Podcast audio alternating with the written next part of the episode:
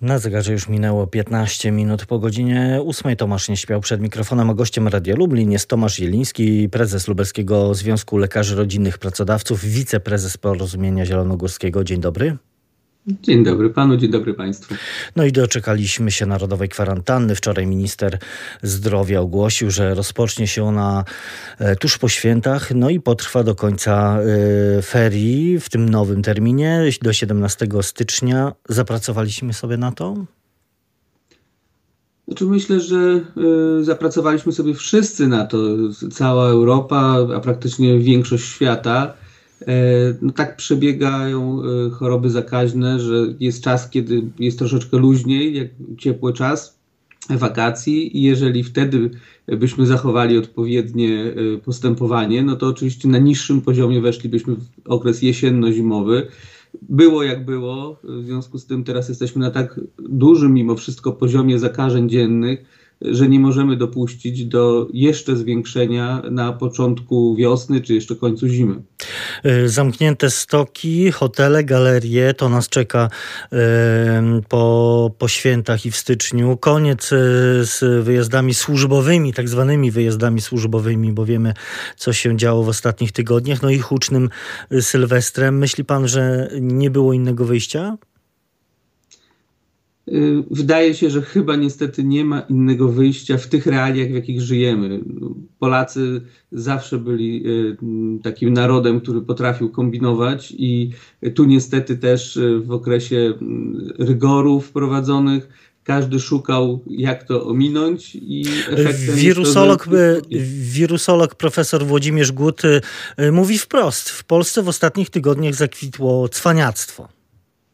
No niestety, tak, tak to jest i y, cierpią ci, którzy y, przestrzegali czy przestrzegają reguł, ponieważ y, gdybyśmy wszyscy przestrzegali, to te rygory mogłyby być na niższym poziomie, ale ze względu na, tych, na to, że część nie przestrzega, no to ci, którzy przestrzegają, mają jeszcze trudniej, a y, musimy pamiętać, że rygory rygorami i oczywiście każdy z nas by wolał mieć swobodę, luz, E, ale to się też przekłada na stan gospodarki. Im więcej tych rygorów, tym trudniej funkcjonować wielu branżom, e, a to powoduje zmniejszone wpływy potem do budżetu, zmniejszone wpływy do Narodowego Funduszu Zdrowia i też gorszej jakości opiekę zdrowotną, która nas czeka w przyszłości. Więc tu mamy naprawdę taki wspólny interes, że im bardziej będziemy przestrzegać zasad e, pozwalających na ograniczanie szerzenia się epidemii, no, tym szybciej wyjdziemy z tego.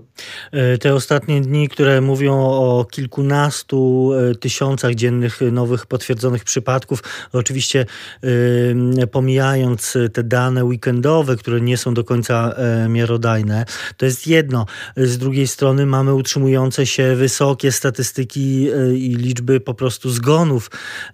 No i to według wielu ekspertów sugeruje, sugeruje, że jest, taka, e, jest takie myślenie wśród e, Polaków, szczególnie przed e, tym okresem świątecznym. Umrę, ale nie pójdę do lekarza. No i mówiąc brutalnie, niektórym to się udaje.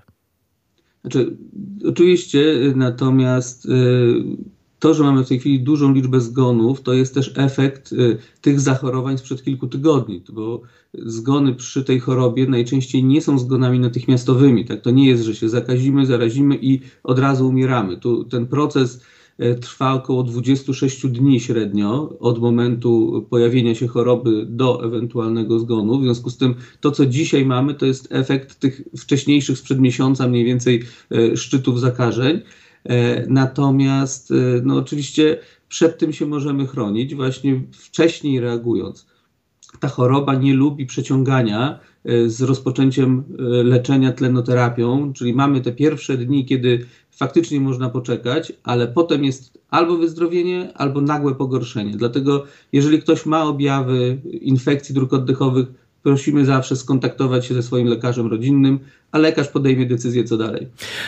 Mamy mocne, ostre decyzje rządowe. No oczywiście już się pojawiają głosy, że są niezgodne z konstytucją, że rząd ogranicza nasze prawa. No ale z drugiej strony, jak popatrzymy na Europę, Francja, Niemcy, Belgia, czy, czy, czy bliżej na, nasi sąsiedzi Słowacy, no to można powiedzieć, że u nas te restrykcje są stosunkowo łagodne.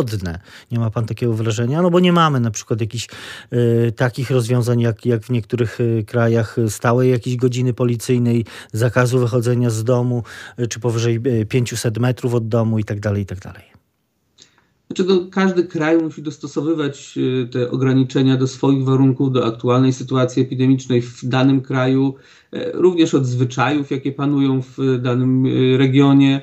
E, wydaje się, że no u nas e, te restrykcje są no dotkliwe, dla wielu branż są dotkliwe, natomiast no też nie da się mniej, no bo e, gdybyśmy sami przestrzegali oczywiście pewnych reguł tego dystansu społecznego, no to i nie trzeba by przepisami wprowadzać takich rygorów ale wiemy i tutaj akurat Polska nie jest jakimś szczególnym krajem. We wszystkich krajach, jak nie ma przepisów, to większość ludzi się nie chce zastosować. Dopiero taki przymus formalny zmusza do zastosowania się. Narodowa kwarantanna ma e, pozwolić na no, z jednej strony szybszy powrót do normalności, szybszy powrót także uczniów do, do szkół, no i ułatwić rozpoczęcie tego e, bezpiecznego procesu e, szczepień. Myśli pan, że się sprawdzi?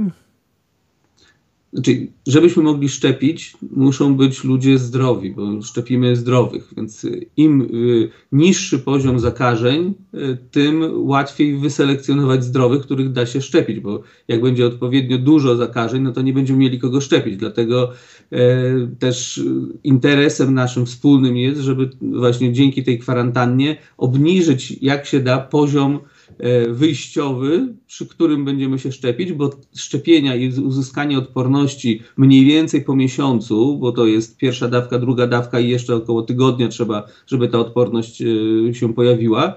E, no, może spowodować, że nie będzie potem przyrostów, ale też nie oszukujmy się, to nie nastąpi właśnie za miesiąc. To, to właśnie o tym także wczoraj mówił minister, minister zdrowia, o tym, że no nie możemy się spodziewać, że te efekty przyjdą czy to w styczniu, czy to w lutym nawet.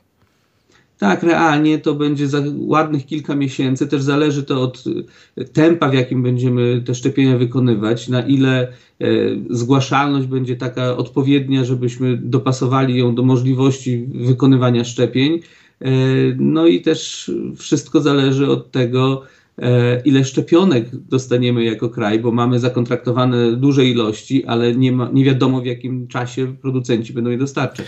E, wczoraj przewodnicząca Komisji Europejskiej e, Ursula von der Leyen poinformowała, że, że w Unii Europejskiej te szczepienia zaczną się już od 27 grudnia. Według tej wczorajszej z kolei deklaracji ministra Niedzielskiego w tej pierwszej turze jeszcze, jak rozumiem, w, w tym roku to będzie będzie 10 tysięcy sztuk.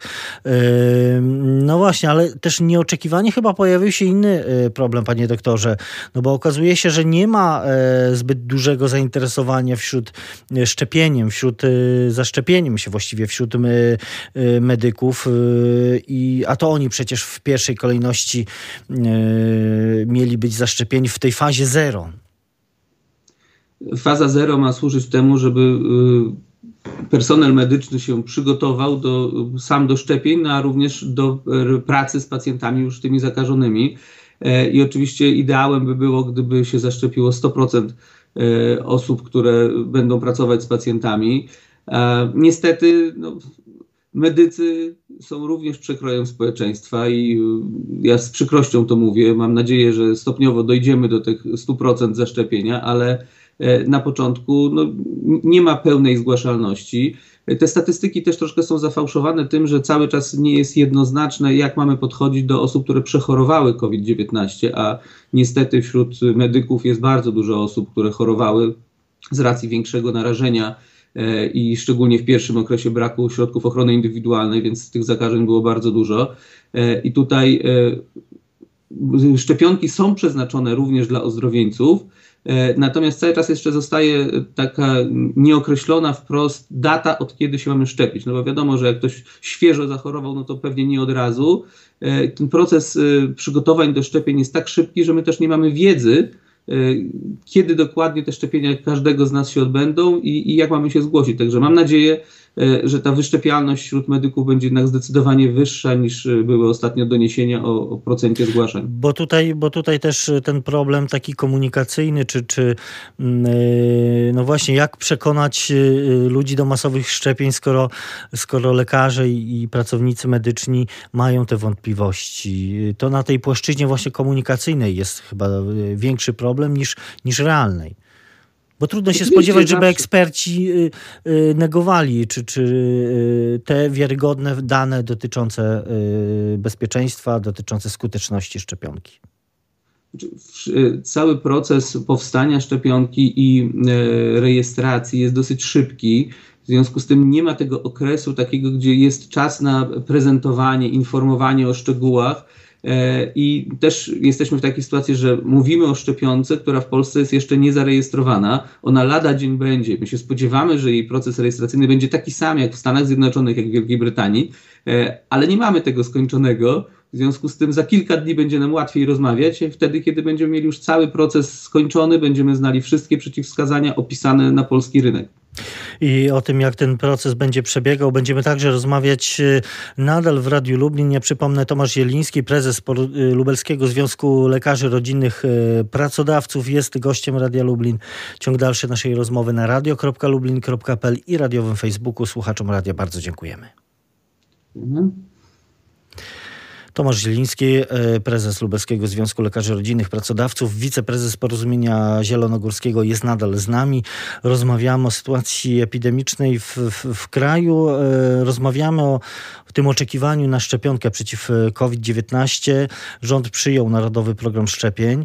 Mm, program, w którym też uwzględnił propozycje lekarzy POZ-ów, mm, bo tam by, były pewne, pewne uwagi. Rozumiem, że Państwo jako lekarze rodzinni są zadowoleni z przyjęcia tych, tych Waszych postulatów, ale może ważniejsze jest e, pytanie takie, jak idą przygotowania do tej wielkiej, no, zdrowotnej, ale też logistycznej operacji. Jeśli chodzi o warunki przystąpienia, to one oczywiście w pierwotnej wersji były no, nie, nie, do przyjęcia dla nas w rozumieniu, że nie mogliśmy się pod tym podpisać, bo oświadczenia, które trzeba było złożyć, zmuszały nas do poświadczenia nieprawdy, a tego nie chcieliśmy zrobić. E, poprawki, które zostały wprowadzone, e, urealniające e, warunki do możliwych do spełnienia, spowodowały, że w ciągu praktycznie jednego dnia około 7 tysięcy bodajże podmiotów złożyło no Rozumiem, że te, te, te, te, wątpliwości dotyczyły liczby czy, czy możliwości wykonania też szczepień. Tak, one, doty, one dotyczyły technicznych rzeczy, to jakby nie, nie samego merytorycznego szczepienia, tylko ograniczeń takich formalno-biurokratycznych, których po prostu nie mogliśmy zrealizować. E, ale zlikwidowanie tego no, spowodowało, że ra radykalnie wzrosła liczba osób zainteresowanych czy podmiotów zainteresowanych. Jest jeszcze trochę takich białych plam, ale myślę, że chyba dzisiaj ma się zacząć taki nabór e, dodatkowy i zostanie to tak. Jest, to w, w, tej chwili, w tej chwili e, ponad 50, 80% e, gmin e, ma zarejestrowane punkty medyczne, gdzie będą realizowane szczepienia. To się przekłada na 93% Polaków, którzy mają mieć już zapewniony punkt szczepień w pobliżu swojego domu, jak to, jak to zostało określone. Czyli nie będzie takich problemów właśnie z technicznych, logistycznych, z dostępem e, Polaków do szczepionek? E, czy będzie, czy nie będzie, to zobaczymy, jak się już zaczną realizacje tych szczepień, bo na razie papier jest cierpliwy, wszystko przyjmie.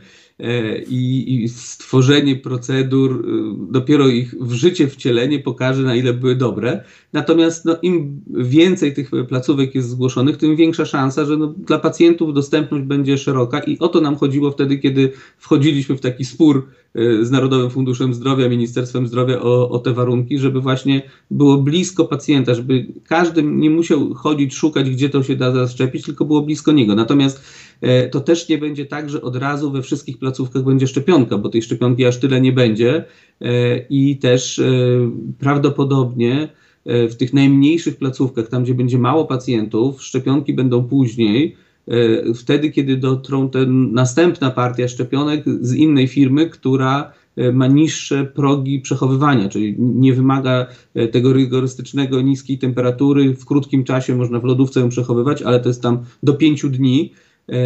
I no w małych placówkach to może być za mały czas, żeby wyszczepić partię szczepionki. E, natomiast te później planowane do dystrybucji mają już nie aż tak rygorystyczne warunki i te pewnie trafią e, do tych małych e, placówek, gdzie jest mało pacjentów. Chociaż już też słyszeliśmy kilka dni temu, że w związku z tym mniejszym niż oczekiwane zainteresowanie zaszczepieniem wśród służb medycznych może spowodować, że, że pewne partie szczepionek będą musiały zostać po prostu wyrzucone czy zutylizowane e, nie przydadzą się w związku z e, właśnie kwestiami związanymi z ich przechowywaniem? Znaczy myślę, że chyba aż tak źle nie powinno być, ponieważ y, przechowywanie te 5 dni to jest od momentu, kiedy wyjmiemy z tej niskiej temperatury i przełożymy do lodówki. E, w temperaturach tych minus 70-75 stopni e, można przechowywać dłużej i tutaj myślę, że jesteśmy w stanie to zorganizować tak logistycznie, żeby się szczepionki nie zmarnowały, bo no po pierwsze szkoda, bo jest bardzo duża grupa, mówimy o grupie, że się nie wszyscy chcą szczepić, no ale pamiętajmy, że jest olbrzymia grupa ludzi, którzy chcą się szczepić, chcą wrócić do normalności, chcą móc wychodzić z domu, chcą móc jeździć na urlopy, e, ponieważ bez tego będzie bardzo trudno i e, ta grupa jest na tyle duża, że myślę, że spokojnie zużyjemy te partie szczepionek. E, problemem może, problem może być wtedy, kiedy te 60 milionowa przyjedzie, to już zobaczymy jak będzie, natomiast te pierwsze miliony szczepionek myślę, że spokojnie zużyjemy i, i, i większych strat nie będzie. Po, poza tym, że no mamy problem taki, że szczepionka jest pakowana w fiolki, które są E, z jednej fiolki tworzy się pięć szczepionek, które muszą być w krótkim czasie zużyte, e, więc jeżeli pacjentów nie przyjdzie wielokrotność piątki, tylko będzie czterech na przykład na końcu, będzie 19 osób na przykład, no to jedna się może zmarnować. I tu, tutaj będziemy mieli problem i będziemy apelować do pacjentów, żeby przychodzili na umówione godziny. Yy, oczywiście yy, ten, ta, ta, ten cel e, taki główny, czyli zaszczepienie jak największej ilości yy, populacji, to się nie zmienia, chociaż, no bo też eksperci mówią i, i też i pan przecież, jak rozmawialiśmy kilkukrotnie, sens szczepionki jest wtedy, kiedy, kiedy zaszczepi się 80-90% y, y, populacji. Y, no ale pytanie też myślę ważne, co jeśli, jeśli właśnie takiego wyniku nie, nie uda się osiągnąć? Znaczy, każdy mm, z nas odpowiada za siebie i całe swoje otoczenie. I tu musimy o tym pamiętać, że e, no, jakby nie patrzeć, jak, niezależnie jak górnolotnie to zabrzmi, no to jest taki trochę objaw, czy przejaw patriotyzmu naszego, tak? Że zaszczepię się po to, żebym i ja był zdrowy, ale również moja rodzina i, i moi sąsiedzi i, i obywatele naszego kraju a dzięki tego, temu, że będziemy zdrowi, będziemy mogli pracować, no będziemy, kraj się mógł rozwijać, oczywiście szerzej patrząc e, cała Europa i cały świat, prawda? Także to są e, górnolotne słowa, które może używam, ale one naprawdę mają tutaj znaczenie, chociaż jednocześnie też każdy z nas, który się zaszczepi, no również zabezpiecza siebie. Więc to, to nie jest tak, że tylko musimy jakieś bohaterskie czyny robić, że się za innych szczepimy, tylko również za siebie, ale no właśnie to, że jest wiele osób w danym regionie zaszczepionych, powoduje, że ci, którzy nie mogą, mają przeciwwskazania do szczepień, e, jak na przykład na dzisiaj kobiety w ciąży, e, które, nie, ponieważ nie były prowadzone badania, no to nie, nie będziemy ich szczepić, bo jest jakaś tam e, niepewność, bo nie, nie, ma niebezpieczeństwa tak naprawdę, bo nie znamy powodu, dla którego nie można by szczepić, ale ponieważ nie badano, to nie będziemy na razie szczepić. No to żeby te kobiety w ciąży były bezpieczne, to ich otoczenie musi być wyszczepione. E, o tym myślę, e, warto pamiętać i wziąć sobie do serca te słowa pana doktora, ale jeszcze o jedną e, rzecz chciałbym zapytać, bo gdzieś tam w listopadzie kontrolerzy Narodowego Funduszu Zdrowia prowadzili akcję takiego sprawdzania dostępności lekarzy w przychodniach. Dzwonili do, do przychodni, podawali się za pacjentów, sprawdzali jak działają właśnie POZ-y. No i w przypadku problemów z dodzwonieniem się, z nieodebraniem telefonu przez pracowników przychodni, grozili y, karami y, właśnie przychodnie, no to lekarze powiedzieli sprawdzam i sami postanowili się sprawdzić. Właśnie tak jak pan redaktor powiedział, ponieważ dochodziły do nas sygnały, że Narodowy Fundusz Zdrowia zgłasza problemy z niemożliwością dodzwonienia się. Nasze poradnie, niektóre pojedyncze, ale dostawały pisma, w których informowano ich, że nie można się dodzwonić. Myśmy przeprowadzili samodzielnie takie badanie. Przygotowaliśmy y, cały. Y, y, wy cały... jako, jako związek, Lubelski Związek Lekarzy Rodzinnych tak, Pracodawców. Tak, tak, tak, tak. W województwie lubelskim swoich członków we wszystkich swoich placówkach ponad 200 lokalizacji po prostu sami zadzwoniliśmy na ogólnodostępne numery. No i okazało się, że wcale nie jest tak źle, jak przedstawia to Narodowy Fundusz Zdrowia. W blisko 60% to pierwszy telefon wykonany pozwalał dodzwonić się do poradni. Maksymalnie no ale, ale była, taka, była taka poradnia, której dziewięciokrotnie próbowaliście się e, nawet e, dodzwonić. Tak, była, była jedna, raport, który przedstawiliśmy jest uczciwy, pokazuje wszystkie, łącznie z tymi jakby najgorszymi, ale to dalej dziewięć razy, żeby jedna poradnia na ponad 200, e, do której dodzwoniliśmy się i która miała możliwość przyjęcia pacjenta, E, więc nie to, że nie pracowała, nie to, że nie była dostępna, to tylko akurat e, ilość telefonów, która do nich docierała, była tak duża, że blokowała linię przez dłuższy czas. No ale 9 razy to i tak mniej niż na przykład ilość potrzebnych kontaktów, żeby dodzwonić się do sanepidu w tym czasie. Mamy ciężki czas i e, nie można mówić o braku dostępności wtedy, kiedy ponad 90% poradni jest dostępnych w ciągu trzech prób zadzwonienia. Y, myśli pan, że y, no to była jakaś zła wola NFZ-u? Z czego to mogło wynikać, y, te groźby pod adresem przychodni, pod adresem lekarzy? W moim przekonaniu to była mm, taka potrzeba chwili. Narodowy Fundusz Zdrowia chciał pokazać, jak bardzo dba o pacjentów, i wtedy, kiedy pojawiły się jakieś sygnały o, o trudnościach w dostępie, a jednocześnie my, jako podstawowa opieka zdrowotna, E, buntowaliśmy się troszkę przeciw nakładanym e, nierealnym obowiązkom na nas e, przyjmowania wtedy wszystkich pacjentów osobiście z koronawirusem.